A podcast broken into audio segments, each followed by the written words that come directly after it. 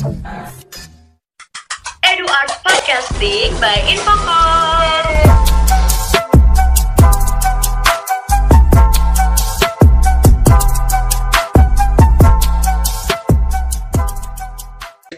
Podcasting by Infocom. Selamat pagi, selamat siang, selamat sore, dan selamat malam teman-teman semua. Kembali lagi nih di podcastingnya by Infocom. Kali ini agak berbeda soalnya kalian asing nggak sama suara saya? Udah nggak asing ya kayaknya. Iya, sebelumnya perkenalkan diri, saya Ahmad Kois Alkorni, pendidikan tari 2019. Nah, sekarang ini kita udah masuk ke episode podcasting yang ketujuh nih. Seperti yang sudah kita ketahui bersama, EduArt Podcasting ini merupakan program bulanan divisi Infocom Himastar EPSD UPI Bandung dan selalu mengundang narasumber yang menarik dan kece-kece. Penasaran gak sih sama narasumber yang sekarang? Pasti penasaran banget dong. Eh, aku spoiler dikit, narasumber yang sekarang itu dari alumni Departemen Pendidikan Tari angkatan 2016 dan beliau juga adalah pernah menjabat sebagai ketua KIG. Penasaran dong tentunya. Inilah dia Amario Patogian SPD. Halo, halo. Halo, halo, halo Amario, gimana nih ah kabarnya ah? Alhamdulillah baik, alhamdulillah sehat. Kamu gimana kabarnya, Kois? Alhamdulillah baik, sehat Alhamdulillah, juga alhamdulillah. Eh, ah, kesibukannya lagi sibuk apa nih ah sekarang sekarang? Eh, sekarang sekarang itu kan udah ngajar ya, ngajar di salah satu SMA di Cimahi. Terus juga sekarang masih bantu-bantu Prof Juju karena sampai sekarang pun eh, masih tinggal di rumahnya Prof Juju gitu. Jadi masih bantu-bantu beliau. Dan sisanya itu kayak ada latihan di eh, company-company luar Nah, teman-teman, Amario ini merupakan alumni yang tadi sudah saya bilang, alumni pendidikan tari angkatan 2016 yang sudah memiliki pencapaian. Di antaranya eh, pernah sebagai Komite Bandung Delegation Solo International Art Festival 2020, sebagai Student Exchange UPI dan Yongsan University South Korea 2019, dan as a dancer on Yense International Dance Festival Indonesian Delegation Yense Incheon 2019 dan sebagai dancer on Asian Games 18 Jakarta opening dan closing ceremony dan University Delegation on Mission Culture Anomanduta at Mumbai and Ahmedabad, India 2017. Nah, banyak banget kan ya. Ini salah satunya dari sekian banyak pencapaian dari Amario ini. Ada yang kalau yang paling menarik sih yang sebagai pertukaran pelajar ke Korea nih, teman-teman. Sebenarnya nih, kenapa sih A memutuskan mengikuti pertukaran pelajaran ke Korea? kenapa nggak ke negara lain kayak Bangladesh atau yang lainnya Ya jadi hmm, sebenarnya kalau bisa dibilang ini apa ya coincidence kayaknya kebetulan aja sih sebenarnya. Jadi tahun kan saya perginya itu tahun 2019. Nah di tahun 2018 ada wacana kalau misalnya saya mau berangkat pertukaran pelajar ke Filipina. Nah, jadi di tahun 2018 itu udah tuh menyiapkan berkas-berkas dan lain-lain, tapi karena satu dan lain hal, spesifik, spesifiknya saya juga lupa. Kalau tidak salah nih ya, itu perjanjian dari Indonesia dan Filipina kurang dibangun atau belum dibuat. Jadi saya cancel on year. Jadi tahun berikutnya 2019 ada lagi pengumuman kan eh, pertukaran pelajar ke Korea. Nah, sebenarnya saya kan eh, sebelum berangkat pertukaran pelajar itu udah ikut ini ada festival gitu di Korea juga. Nah, itu udah pernah tuh eh, tampil di Korea untuk festival tersebut lalu diajak ketua departemen untuk mengikuti seleksinya. Ya udah karena kan kamu istilahnya kayak kemarin kan kamu udah tampil di sana. Nah ini nih coba ada beasiswa dan ada kesempatan untuk pertukaran pelajarnya gitu. Apakah hanya kuliah atau ada kegiatan lain A di sana yang A ikuti juga? Eh, kegiatan-kegiatannya itu pasti banyak banget udah banyak banget yang saya lakuin di sana. Karena ini pertukarannya cuma satu semester jadi lumayan banyak kegiatan-kegiatannya. Nah jadi pas di sana tuh saya itu kalau saya ingat-ingat ya ini kan udah dua tahun yang lalu nih. Saya itu di sana eh, ikut disnatalisnya Yongsan University. Jadi tampil di sana. Terus juga ada kunjungan ke kuil Yangsan. Jadi kita kunjungan ke kuil-kuil adat sana terus juga ada ke taman wisatanya. Terus yang paling memorable itu juga gathering sama perpikanya. Jadi perpika adalah kayak himpunan mahasiswa Indonesia yang ada di Korea khususnya di Busan. Jadi kita ngadain kumpul-kumpul nih anak exchange nih anak eh, S2 nih anak pokoknya anak-anak Indonesia dikumpulin gitu. Nah di situ kita bikin gathering juga. Sama karena saya beragama Islam di sana sebenarnya agak kesulitan tuh kan untuk sholat Jumat ya bagaimana. Terus eh istilahnya kayak ritual keagamannya gimana lah khususnya untuk yang Islam. Nah ternyata di sana tuh ada juga kegiatan-kegiatan yang sifatnya itu keagamaan khususnya Islam. Jadi di sana ada masjid meskipun cukup jauh dari kampus yang saya tempati itu kurang lebih satu jam itu saya tetap ikut bisa ikut gitu ikut kegiatan-kegiatannya kayak ada eh, khotbah gitu terus juga ada ceramah dan lain-lain. Jadi kurang lebih itu sih yang saya ingat. Sisanya ya sama seperti kegiatan-kegiatan himpunan itu juga ada sebenarnya. Sampai saya ngedukung pergelaran temen gitu. Itu sama kayak di sini. Jadi di sana itu ada yang pagelaran misalnya kelas apa atau tingkat kakak tingkat atau adik tingkat. Nanti kita bantu. Oh misalnya kita bisa membantu nanti kita bantu gitu.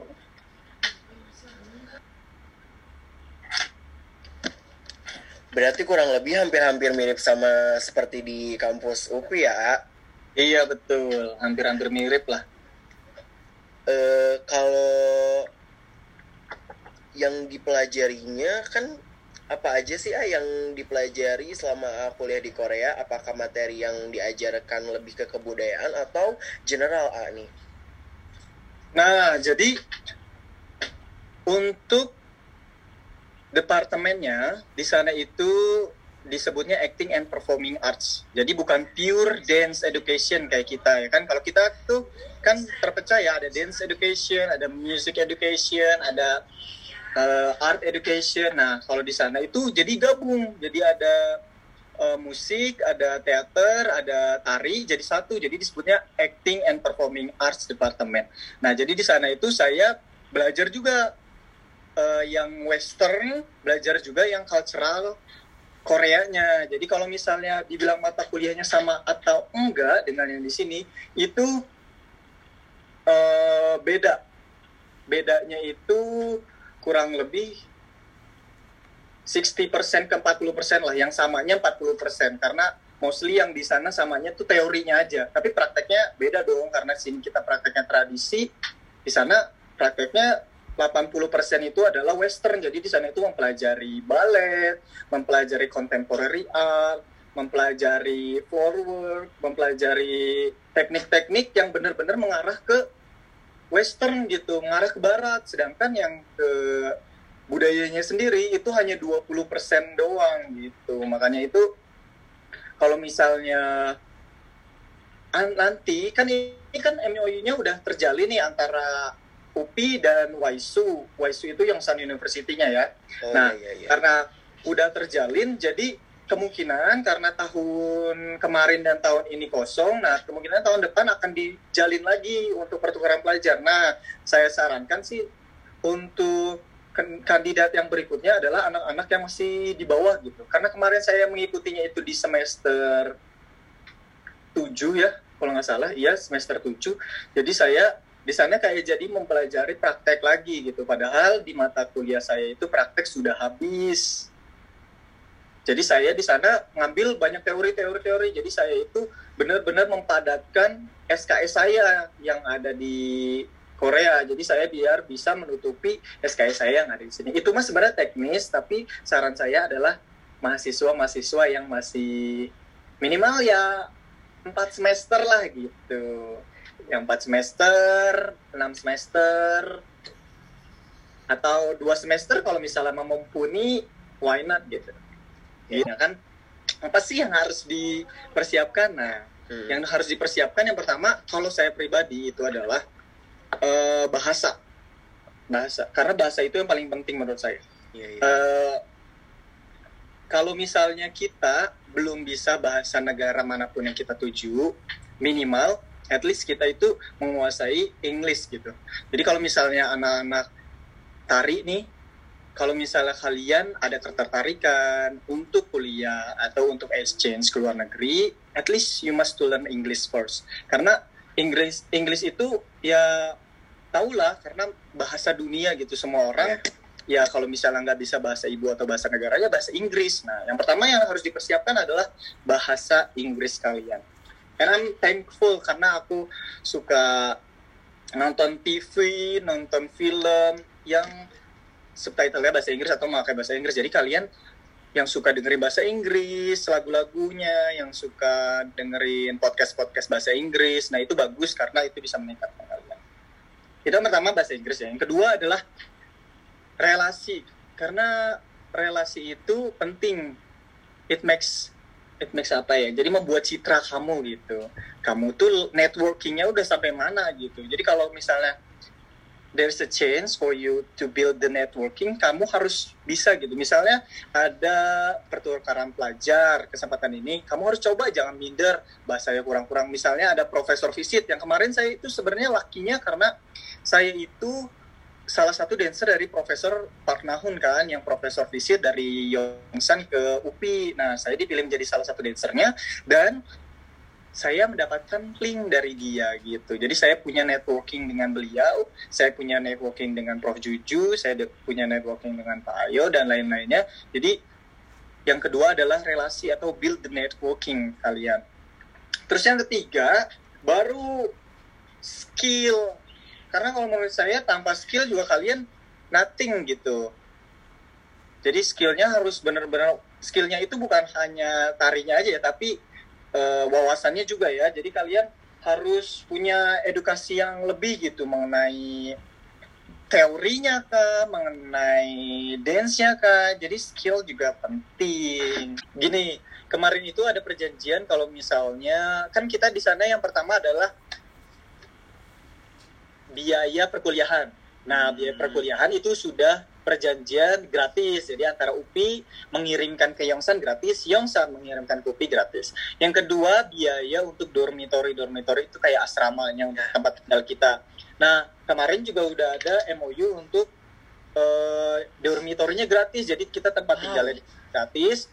Dan kalau ada anak Yongsan mau ke UPI juga gratis. Yang ketiga adalah uang jajan. Nah, uang jajan ini yang adalah ditanggung masing-masing. Hmm. Nah, untungnya kalau pesawat itu ditanggung sama fakultas. Kemarin saya di ditanggung sama fakultas. Nah, untungnya karena saya menerima beasiswa beasiswa. Jadi saya itu dapat uang beasiswa dan juga ada bantuan dari rektor, dari fakultas dan dari departemen. Jadi saya itu di sana eh, istilahnya nggak pakai uang saya banget gitu. Jadi ada bantuan-bantuan. Jadi intinya kalau misalnya kalian ada kegiatan yang membawa nama universitas, kalian bisa minta bantuan ke univ, bisa ke rektornya, bisa ke fakultas, bisa ke departemen. Dan untungnya tiga-tiganya bantu. Menurut Amario nih, apakah pertukaran pelajar pelajar itu penting ah? Kalau saya pribadi ya, karena menurut saya itu penting. Kenapa masih ada pertukaran pelajar sampai sekarang? Itu pasti penting. Yang pertama penting untuk siapa? Penting untuk kita. Yang saya udah bahas sedikit-sedikit tadi. Yang pertama untuk networking, wawasan, terus juga pengalaman. Itu penting banget. Apalagi kalian yang mau melihat dunia luar. Karena saya pernah membaca kata-kata seperti ini. Kalau misalnya kamu mau mencapai kedewasaan kamu, pergilah keluar negara atau minimal keluar dari kotamu gitu. Jadi kalau misalnya kamu mau mencari jati diri, kamu mau melihat dunia, itu penting banget kalau kamu tuh harus keluar sebenarnya. Gitu. Jadi dunia tuh nggak Indonesia doang, dunia tuh nggak Bandung doang, dunia tuh nggak UPI doang gitu. Jadi kalian uh, bisalah mencari wawasan di luar sini gitu. Si A maksudnya lebih ke maksudnya motivasi gitu buat atau kata-kata sedikit kata-kata semangat buat teman-teman yang mau kayak Ani. Kata-katanya itu adalah success is when preparation and opportunity meet. Jadi kayak sukses itu adalah ketika persiapan dan kesempatan bertemu gitu. Jadi ketika kamu siap dan ada kesempatan dan pasti bisa gitu kok is. Okay. Buat teman-teman nih siapa tahu makin termotivasi kan buat mengikuti pertukaran pelajar ke luar negeri. Jadi jangan lewatin banget nanti podcasting selanjutnya, episode-episode selanjutnya karena pasti bakal lebih seru dan makin bikin teman-teman penasaran nih ya. Oke, jangan lupa pantengin terus podcastingnya by Infocom.